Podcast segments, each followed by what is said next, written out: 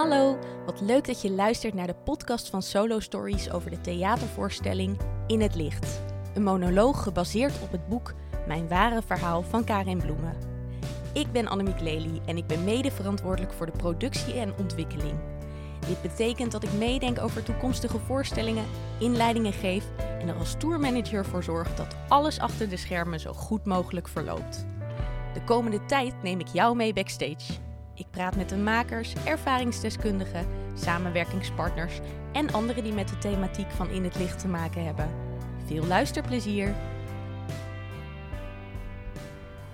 In Nederland zijn er 26 locaties van Veilig Thuis. Veilig Thuis dat is het uh, meldpunt voor huiselijk geweld en kindermishandeling. En daar kun je aankloppen als je vermoedt dat er uh, sprake is van een van beide in een afhankelijkheidsrelatie. Ik loop nu door Haarlem en ga naar de locatie Kennemerland om te praten met Daphne Dikman. Als je de voorstelling bezoekt, zullen er in de foyer flyers liggen van Veilig Thuis. En wat belangrijk is om te zeggen, is dat alle 26 locaties andere contactgegevens hebben. Dus mocht jij een vermoeden hebben als het gaat om seksueel misbruik in een afhankelijkheidsrelatie, kijk dan vooral even op de website van Veilig Thuis. Want daar kun je de contactgegevens vinden van de locatie die voor jou van toepassing is. Ik zit vandaag tegenover Daphne Dikman van Veilig Thuis in uh, Kennemerland. En Veilig Thuis is het advies- en meldpunt voor huiselijk geweld en voor kindermishandeling. Ik uh, ben benieuwd, want ik zag dat jij orthopedagoog bent. Wist jij vanaf begin af aan al dat jij deze kant op wilde gaan? Ja, wat is van begin af aan, hè? Toen, maar, jij, orthopede ja. toen jij orthopedagogiek ging studeren? Nee, ik had, ik had nog niet heel erg een idee. Um, ik heb eerst uh, SPH gestudeerd, Sociaal-Pedagogische Hulpverlening. En uh, daarna ben ik orthopedagogiek gaan doen. En ik ben er niet per se ingegaan met het idee welke richting dat zou moeten zijn. Ik had wel echt een voorkeur voor uh, de richting jeugd. Dat vond ik heel leuk. Maar of dat bijvoorbeeld in de in een behandelsetting zou zijn, of in een uh, therapiesetting, of in een veilig thuis. Dat had ik nog nooit zo bedacht. Misschien heb ik daar in de opleiding, ben ik daar zelf ook helemaal niet zo heel erg mee bezig geweest. Ik vond wel um, de kant van uh, mensen met trauma-gerelateerde klachten of kinderen, vond ik wel heel interessant. Dus daar heb ik in mijn opleiding, in banen en ook in stageplekken en in mijn afstudeerscriptie ook wel voor gekozen. Wat maakte dat interessant voor jou? Ja, ik denk dat ik het daarin het idee had dat, daar heel veel, dat ik daar heel veel kon bereiken. Dus dat ik, en dan niet voor mezelf, maar juist voor de mensen die het aanging. Dus dat ik daar helpend kon zijn en um, ook in het herstel bij zou kunnen dragen. Is dat ook zo? Daar ben ik echt heel benieuwd naar. Je bent natuurlijk nu uh, nou, een, uh, een, aantal jaren onderweg. ja. Is dat ook uitgekomen? Of is de realiteit toch ingewikkelder dan dat je zou willen? Nou, het is heel weerbarstig. Um, maar ik vind wel de plek waar ik nu zit bij Veilig Thuis, vind ik een voor mij uh, hele mooie werkomgeving waarin ik bij kan dragen aan veiligheid proberen te creëren. En of dat altijd lukt, nee, dat denk ik niet.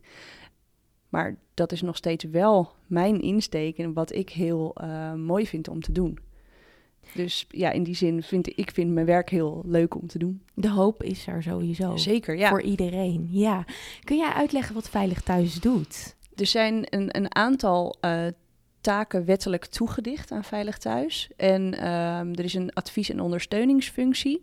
En er is een functie waarin we meldingen aannemen. En de advies- en ondersteuningsfunctie, dat, dat, is, dat, is de, het, dat is het moment waarop Veilig Thuis aan de telefoon een verhaal aanhoort en een advies teruggeeft aan degene die belt. En in die of fase, in de chat, toch? En daar is ook een chatfunctie Ja. inderdaad, klopt. Um, en die is dan te bereiken via de site.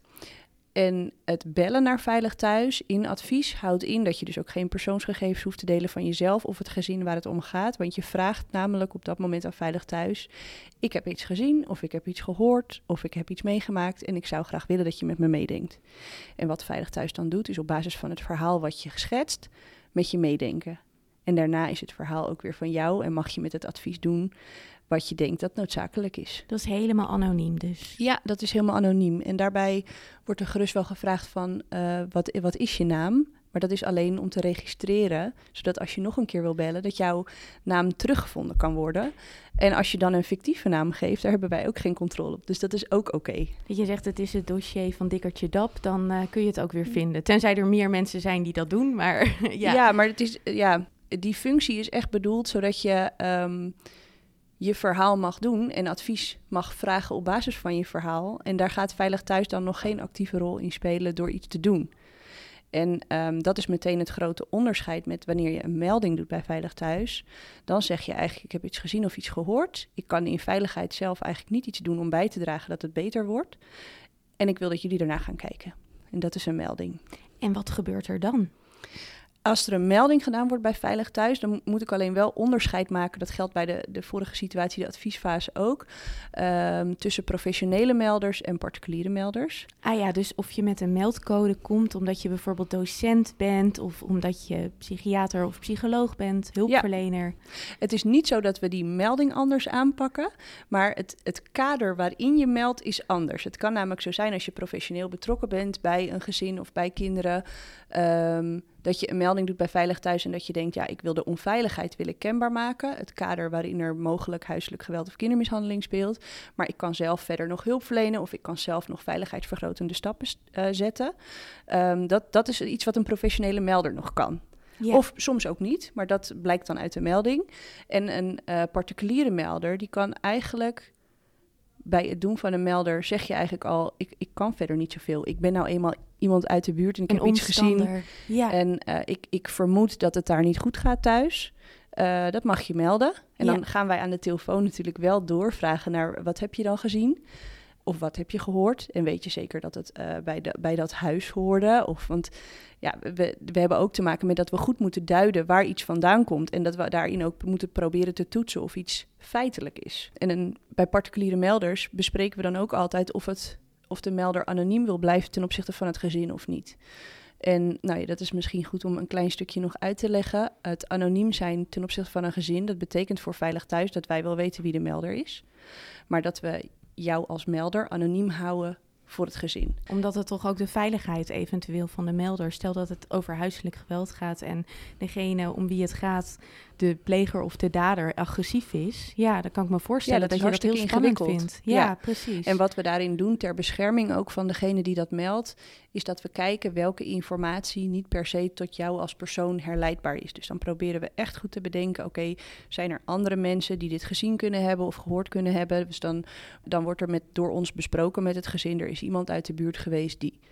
En die tekst die er daarna, daarna komt, die hebben we goed bedacht met de melder samen van is dat iets wat ook andere mensen waargenomen kunnen hebben, zodat, je, zodat we daarin ook je positie echt beschermen. Dat proberen we. Wat we wel weten is dat als er een anonieme melding gedaan wordt over gezinnen, ben je natuurlijk als degene die gemeld is altijd super benieuwd wie heeft dit nou gedaan. Dat levert vaak heel veel onrust op. Maar dat betekent niet dat we dan gaan zeggen wie de melder gedaan heeft, wie nee. de melding gedaan heeft. En misschien ook wel bij de, het slachtoffer, of zoals Karin Bloema altijd zegt, de overlever, kan het ook spannend zijn dat je denkt van, goh, maar wie heeft dit nou gezien? Ik denk dat dat, dat tenminste, ik kan me voorstellen dat dat niet alleen bij de pleger het geval is. Ik denk dat, dat, dat zo'n melding onrust oplevert in een gezinssysteem. Dus hoe die samenstelling van zo'n gezinssysteem ook is, ik denk dat dat voor een ieder uh, op zijn of haar eigen manier onrust oplevert. En soms ook opluchting. Van, oh gelukkig, ik ben niet... Iemand heeft dit opgepikt, dit signaal. Of blijkbaar uh, zijn er toch mensen die op me letten. Wat zijn nou van die signalen die je binnenkrijgt... waardoor mensen denken, ik moet toch even... laten we in eerste instantie zeggen, advies inwinnen bij mm -hmm. Veilig Thuis. Heb je daar voorbeelden van? Ja, ja ik heb natuurlijk uh, allerlei meldingen komen Talloze, er voorbij. Ja, ja. Um, maar wat er in, in het advies vaak wel gebeurt, is dat er bijvoorbeeld gebeld wordt over ik heb een ruzie gehoord bij de achterburen. En uh, ik hoorde daarin een vader of een moeder schreeuwen tegen de kinderen. En nou ja, dan wordt er meestal teruggevraagd vanuit Veilig Thuis van Goh. En heeft u dan ook de namen van de kinderen gehoord? En, uh, en dat is om te proberen om het feitelijker te krijgen. Dat als wij een adres zouden gaan invoeren, dat je ook weet, het verhaal klopt bij degene waar het om gaat. Dus die check die zit erin. Maar in de adviesfase, ik moet mezelf eigenlijk een klein beetje corrigeren. In de adviesfase vragen we natuurlijk niet naar persoonsgegevens. Uh, dus in de adviesfase zou je aan een particulier iemand die belt uh, terug kunnen geven of diegene denkt daarin zelf nog langs te kunnen gaan bij de buren en te vragen: Goh, uh, ik heb dat gehoord, de deuren stonden open, gaat het wel goed bij jullie? En, en zou er iets kunnen zijn uh, waarin u geholpen zou willen worden?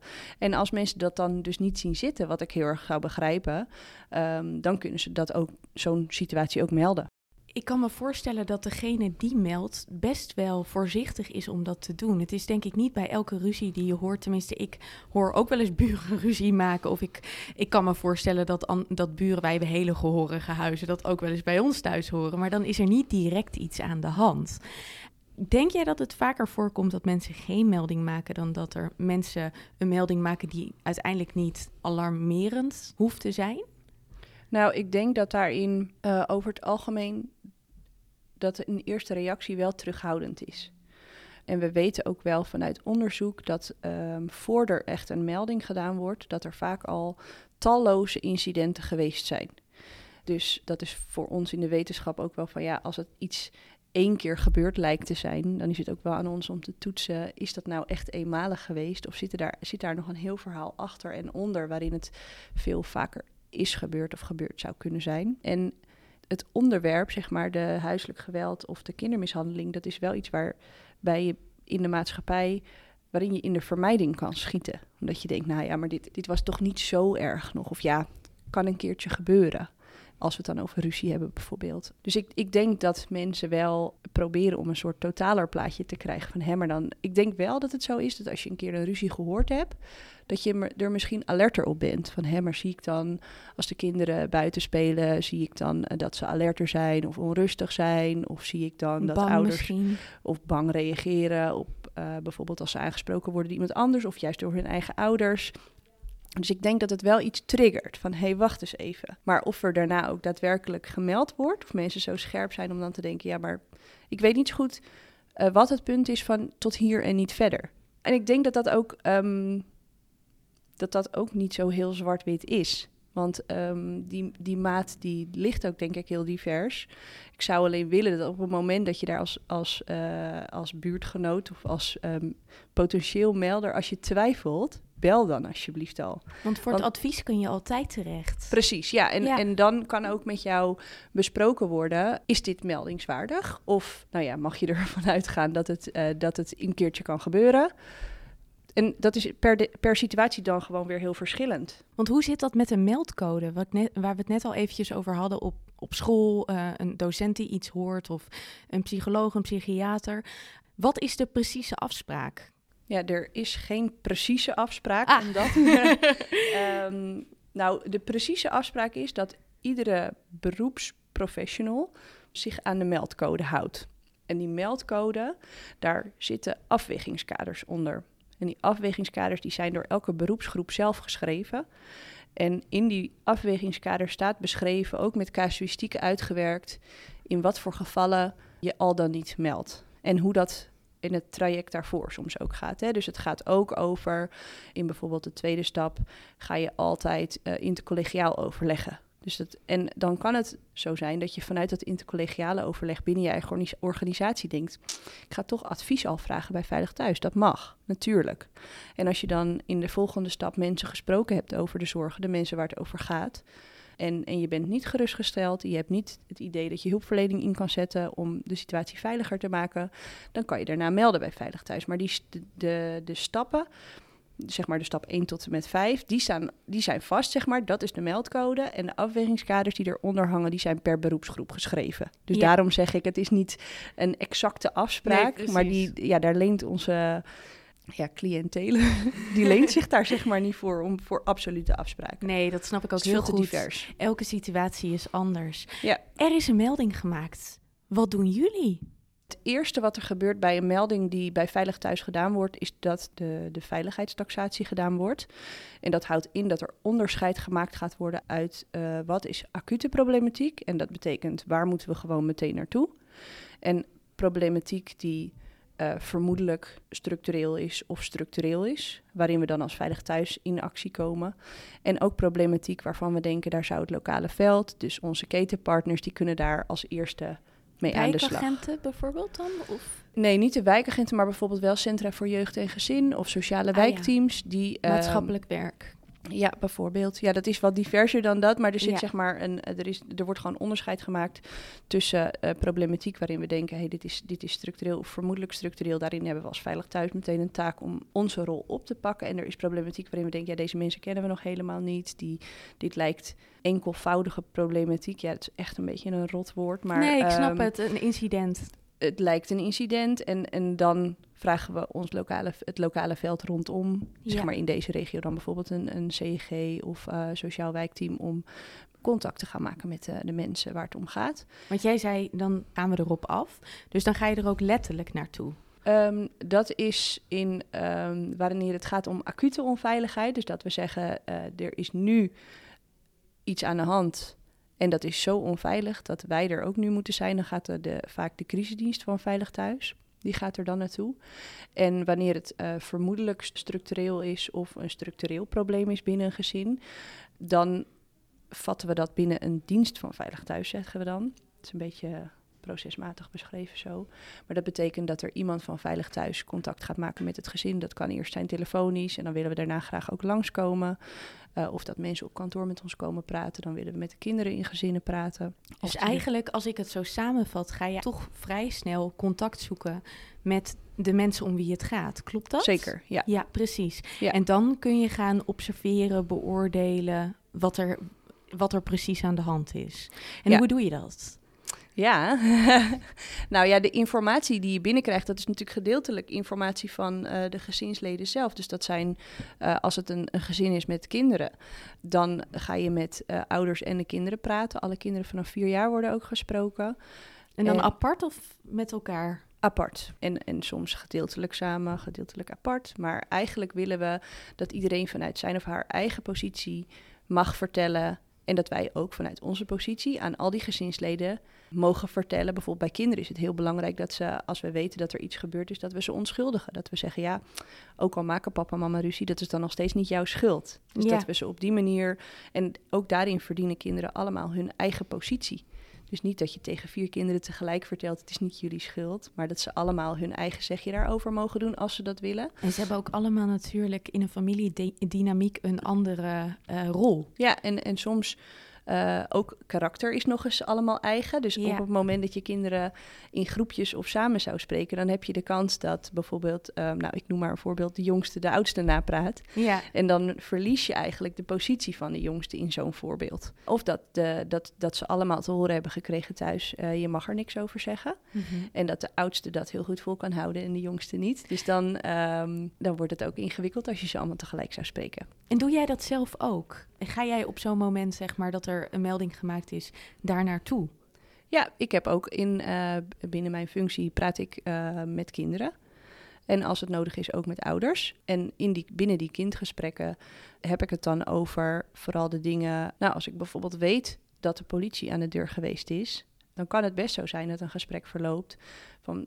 Ik ben hier omdat laatst de politie bij jou geweest is. Vertel er eens over. Hoe hou je jezelf groot? Nou, wat, wat ik daarin probeer, is, is mezelf te zien als instrument. Dus binnen het gesprek wat ik met een kind heb, vanaf contact tot en met afronding van het gesprek, ben ik een instrument om informatie te geven aan, eh, aan een kind en om informatie te krijgen.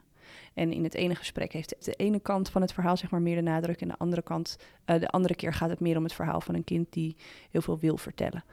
Dus ja, ik, ik ben eigenlijk het instrument en ik moet een kind op een, een goede manier ik moet een kind aan kunnen moedigen om dingen te vertellen, maar ik moet niet zelf heel veel subjectieve informatie inbrengen.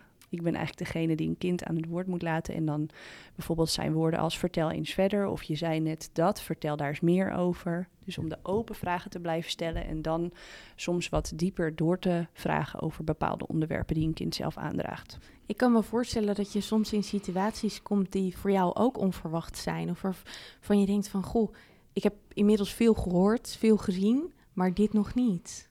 Nou ja, elk, elk gesprek is heel eigen. En ehm, ik heb een keer een gesprek gehad met een, eh, met een meisje, volgens mij was zij zeven jaar. En zij kwam toen eh, de gespreksruimte binnenlopen. En eh, zij had toen een, een pop mee. En toen zei ze me aan, bij aanvang van het gesprek, zei ze, ik, ik kan eigenlijk niet met je praten, want ik ben bang dat ik mijn pop dan pijn doe.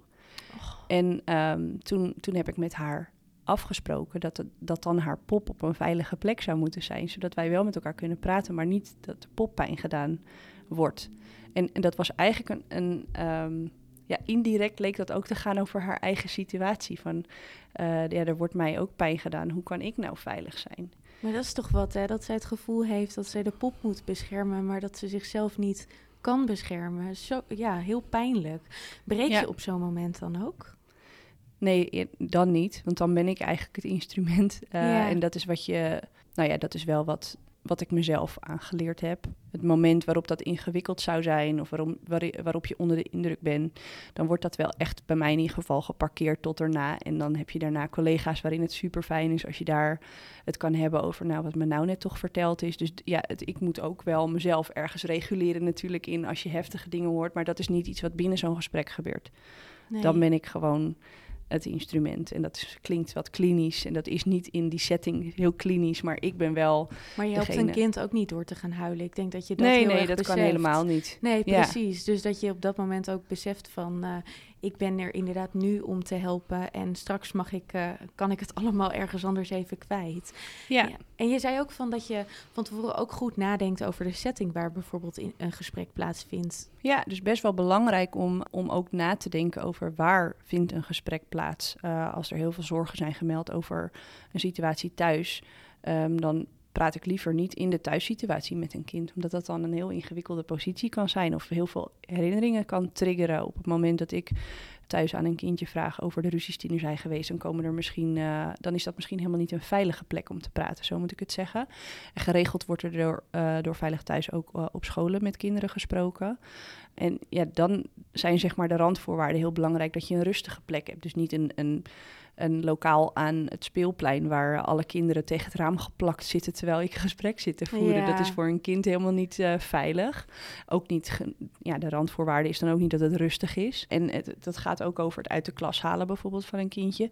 Als ik een vreemde ben op die school, en dat ben ik, dan vraag ik eigenlijk altijd aan, uh, aan iemand van school om een kindje uit de klas te halen, omdat dat nog uit te leggen is aan klasgenootjes. En als ik daar ineens sta, dan moeten ze daarna uitleggen wie was die vreemde mevrouw of wie was die, die andere juf die jou ineens kwam ophalen. Dat is, niet, uh, dat is niet handig. Zo probeer je toch in ieder geval in het gesprek zoveel mogelijk ja. de veiligheid te waarborgen. Ja, zoveel als dat kan. Uh, dat zijn de dingen die ik eraan kan doen om het uh, op een, voor een kind prettige manier te laten verlopen. Wat kun je voor een gezin doen?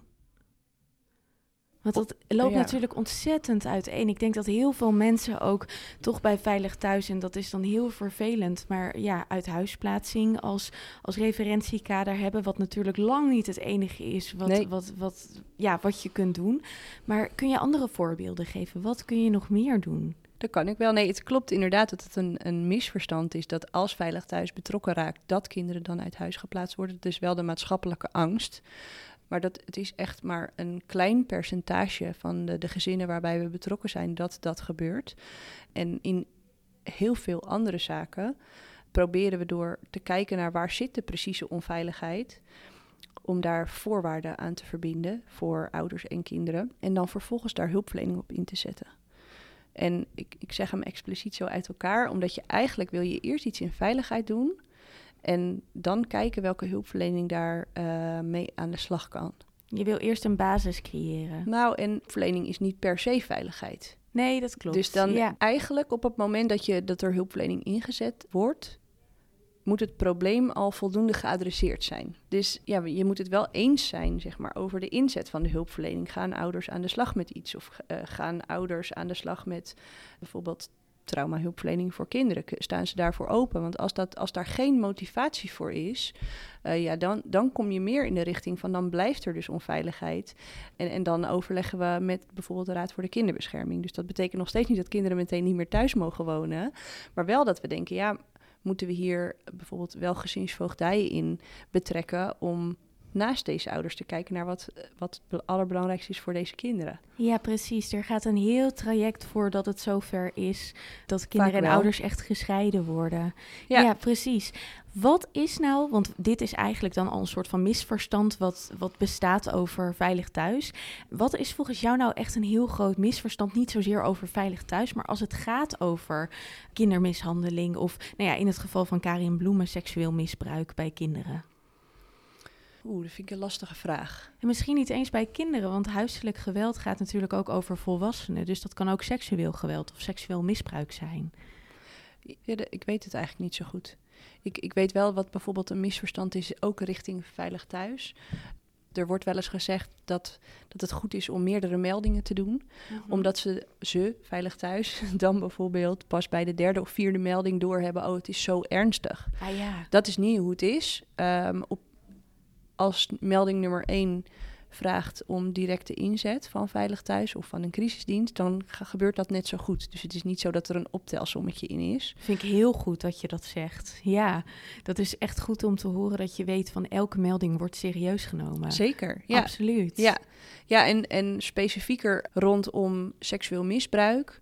Wat ik daarvan weet, is dat de signalen heel die van, van kinderen dan in ieder geval, dat die signalen van het seksueel misbruik heel divers kunnen zijn. Het schijnt zelfs zo te zijn dat je bij 30% van de kinderen echt letterlijk niks merkt. Dat Klopt? die zich volledig kunnen, eh, ja, letterlijk distancieren eh, van het onderwerp bij, bij anderen.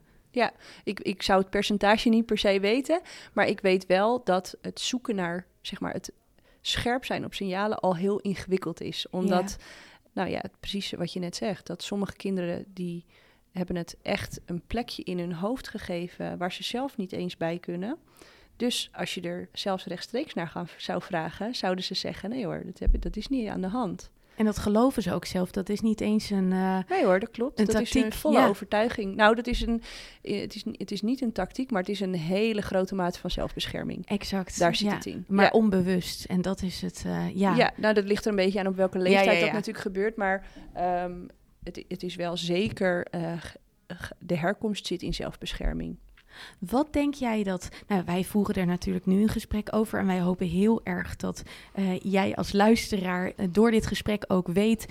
Ik mag altijd advies vragen en ik mag ook altijd een melding doen. Als, dat, als je echt denkt dat dat aan de hand is. En nou ja, Mhm. zelfs niet eens als je het echt weet, want dan kun je altijd advies vragen. Daar is Veilig Ja, Thuis voor. Klopt. Maar wat denk jij dat praten, zoals wij nu aan het doen zijn, kan betekenen in de wereld als het over dit onderwerp gaat? Want het is uiteindelijk toch nog steeds, ligt het soms in de taboesfeer. Ja, dat klopt. En het is ook een onderwerp ja, waar we, zeg maar, maatschappelijk het, liever niet over hebben. Want het is allemaal niet leuk. En het is, eh, ja, je, er zijn ook situaties waarin je denkt, nou ja, maar dat, dat bestaat echt niet. Ik ben nog steeds wel eens verbaasd als er nieuwe meldingen bij ons binnenkomen. Dan denk ik, nou, ik heb nu het gekste wel gezien, of het rotste, of het allerergste. En daar verbaas ik me nog steeds wel eens over. En dat vind ik heel heftig. En ik denk dat dat maatschappelijk ja, ik, ik heb natuurlijk enigszins beroepsdeformatie, omdat ik al heel veel gezinnen, zeg maar, gezien heb. Maar ik denk dat dat, dat wel, wat ik net s- schets, dat dat wel iets is wat in de maatschappij ook spreekt. Ja, liever niet. Weet je, we hebben het er liever niet. Het is niet een leuk onderwerp en het is ook niet eh, iets, iets waar we blij van worden. Maar ik denk wel dat vanuit het, zeg maar, de maatschappelijke verantwoording, ehm, we het er vaker over zouden moeten hebben, mogen hebben ook als je vanuit de wetenschap hoe, hoe heftig dit soort problematiek doorwerkt in levens van mensen. Dus als we, als we al weten dat het bij kinderen aan de hand is, en dat kan om seksueel misbruik gaan, het kan om huiselijk geweld gaan waar kinderen getuigen van zijn, het kan ook gaan om partnergeweld waar helemaal geen kinderen bij betrokken zijn. Maar als dat aan de hand is, dan heeft dat heel vaak heel veel effect op levens van mensen en ontregeling van levens ook. En daar, dat is denk ik waar je je binnen de maatschappij verantwoordelijk voor mag voelen. Absoluut. En Ja. wat denk jij dat een voorstelling als bijvoorbeeld in het licht daarin kan bijdragen? Denk jij dat een voorstelling, laten we het zo stellen, eh, als in het licht daar iets in kan bijdragen? Zeker, want het is, het is meteen aandacht voor het onderwerp, wat we alledaags misschien soms wel eens een beetje vermijden. Dus ik denk zeker dat een voorstelling. Nou, ik denk dat het mensen daarin ook weer even wat meer inzicht geeft in, oh, oké, dus zo, zo kan iets dus sluimeren bijvoorbeeld, hè? of problematiek eh, voortduren als het niet besproken wordt. Dan is dat wat er gebeurt. Ja, Dus ik denk dat het daarin het een soort voorbeeld is voor mensen van dit is hoe het kan zijn. Hè? Dus ja het, eh, het geeft alvast een, een, een, een beeld van, van een situatie. precies. Waardoor je het misschien kan relateren tot andere situaties. Ja. ja. Wat hoop jij terug te zien in de- als je de voorstelling straks gaat bekijken? Of wat zou jij belangrijk vinden dat er in terugkomt? Ja, ik, ik denk dat dat zit in het stukje dat we niet per se terughoudend hoeven te zijn in wat we, wat we willen vragen aan kinderen. Dus dat het een soort motivatie mag zijn. Ik denk wel een beetje als ik bijvoorbeeld in gesprek ga met, met kinderen, dat ze soms bij de deur al bedacht hebben wat ze me wel of niet willen vertellen. Ah ja. En dan helpt het als ik er. Uh, nou, soms heb je dan een klik en dan kom je nog over de, het punt heen dat kinderen al bedacht hebben: ik ga het niet vertellen, dat ze het soms wel vertellen. En soms kom je er niet overheen en gebruik ik een gesprek vooral om uit te leggen um, wat we wel zouden kunnen doen. En dan op een later moment komen ze daar dan soms nog op terug. Ja. En ik, ik hoop dat, dat in de voorstelling, zeg maar, de motivatie voor mensen in het werkveld, maar ook in um, zeg maar, de betrokkenheid vanuit de maatschappij, zeg maar, dat mensen denken, ah ja, ik, ik kan daar, ik kan wel iets doen. Dat dat erin zit. Richting kinderen, maar mag ook richting gezinssystemen natuurlijk, hè, want het hoeft niet uh, al te algemeen dat het mensen motiveert om aan de bel te trekken. Zeker, En ja. dat ze nou hopelijk door dit gesprek ook weten dat dat altijd kan. Ja. En dat het niet meteen een melding hoeft te zijn, maar dat advies ook uh, een optie is. Ja. Dankjewel Daphne en uh, tot bij de voorstelling. Ja, dankjewel. Wil je naar In het Licht komen kijken? De voorstelling is van 10 februari tot 3 juni te zien in de Nederlandse theaters. Ga naar solostories.nl om een kaartje te bestellen. Leuk om je in de foyer te zien.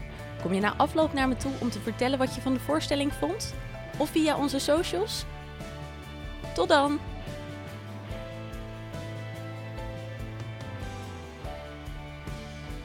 In het licht wordt mede mogelijk gemaakt door Fonds Podiumkunsten, Lira Fonds, Norma Fonds en de Janivo Stichting.